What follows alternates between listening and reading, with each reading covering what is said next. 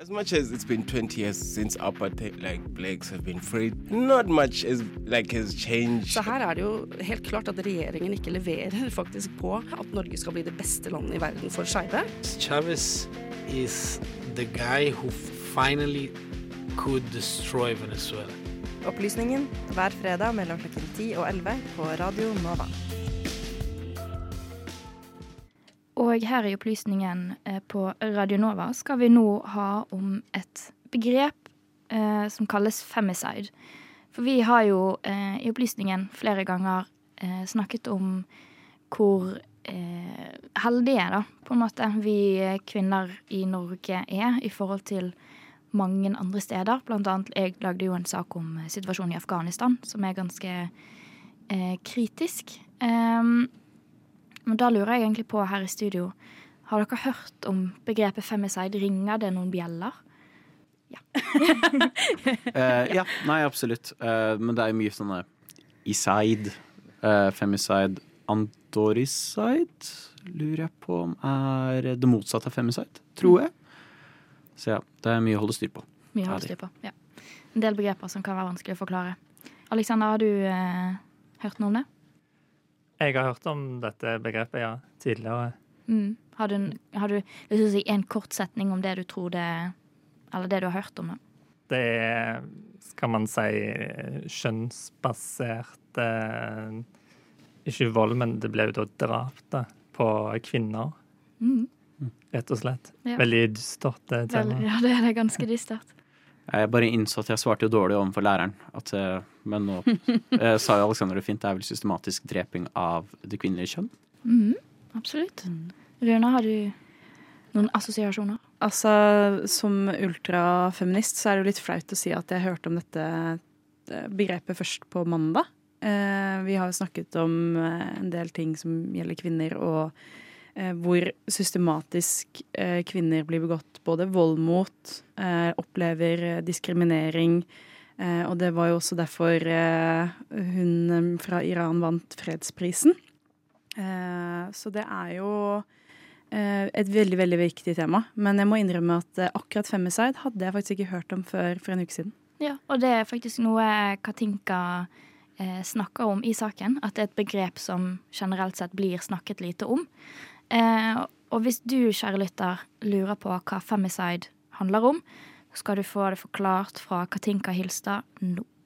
Hva er femicide? Det er kanskje ikke så ofte du hører ordet femicide, og de gangene som det har vært nevnt, er kanskje i forbindelse med demonstrasjoner mot drap av kvinner. Men for å vite hva femicide er, er det viktig å forstå hva genocide er, eller som det på godt norsk heter, folkemord. Genocide kommer fra det greske ordet genos og side, med andre ord folk og drap. Det var den polsk-jødiske juristen Rafael Lemkin som introduserte ordet under andre verdenskrig i 1944. Så la oss få den juridiske delen belyst før vi kan grave videre på internett.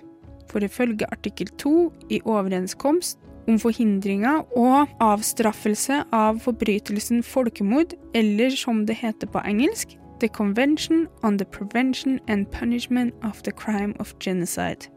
Artikkel 2. I nærværende konvensjon betyr folkemordet en hvilken som helst følgende handlinger som er begått i den hensikt å ødelegge helt eller delvis en nasjonal, etnisk, rasemessig eller religiøs gruppe som sådan. A. Å drepe medlemmer av gruppen. B. Forårsake alvorlige skader på medlemmer av gruppen. C. Bevisst la gruppen utsettes for levevilkår som tar sikte på å bevirke dens fysiske ødeleggelse, helt eller delvis. D. Å påtvinge tiltak som tar sikte på å forhindre fødsler innen gruppen. E. Med makt å overføre barn fra gruppen til en annen gruppe. Så for å gi en bedre forståelse på hva folkemord er, så er eksempler på land en god start. For vi alle har hørt om stammekriger og religiøse kriger mellom to land så jeg antar at både du og jeg kan nevne minst tre land eller hendelser som har en av de siste kategoriene i seg. Men for deg som er nysgjerrig og har lyst til å vite mer, men kanskje ikke kommer på noen stater eller aktører som har drevet med renselse, så er Pol Pot og Røde Kamer i Kambodsja, folkemordet i Rwanda, holocaust i Sebrenica noen forslag som har skjedd i nyere tid. Til min store overraskelse var dette også de tre hendelsene som kommer opp som forslag når man søker folkemord. Så nå som vi vet litt bedre om hva folkemord er, og har funnet frem noen eksempler, så er det litt bedre å skjønne seg på hva femicide egentlig er.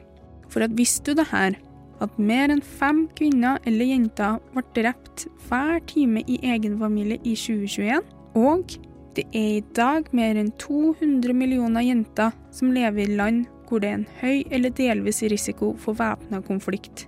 Dessverre er det svært sjeldent at vi hører om hvordan de opplever krigen som skjer i deres land.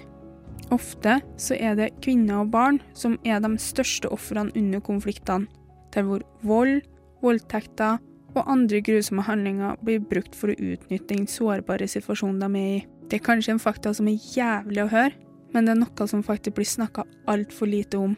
Det som vi hører i norske media, er kvinne og barn drept av ektemann, eller kvinne offer for hevnedrap. Med andre ord er det her femicide. Både i Midtøsten og i Sør-Asia er det her der det skjer mest drap på kvinner og jenter. På FN-sambandet sine sider legger de fram en rapport som ble gjort i forbindelse med kjønnsbasert drap av kvinner og jenter. Bedre data for bedre respons på femicide. I rapporten viser det seg at 2,5 kvinner eller jenter per 100 000 av den kvinnelige befolkninga i Afrika ble drept i den private sfære i 2021. Med andre ord var det 17 200 kvinner og jenter. For min del er dette helt forferdelige tall å se på. Det virker så ufattelig og vanskelig å se for seg. Men for både deg og meg som er oppvokst i trygge Norge og i trygge omgivelser, er dette noe vårt indre barn aldri hadde trengt å bekymre seg over. Medvirkende i denne saken var Katinka Hilstad.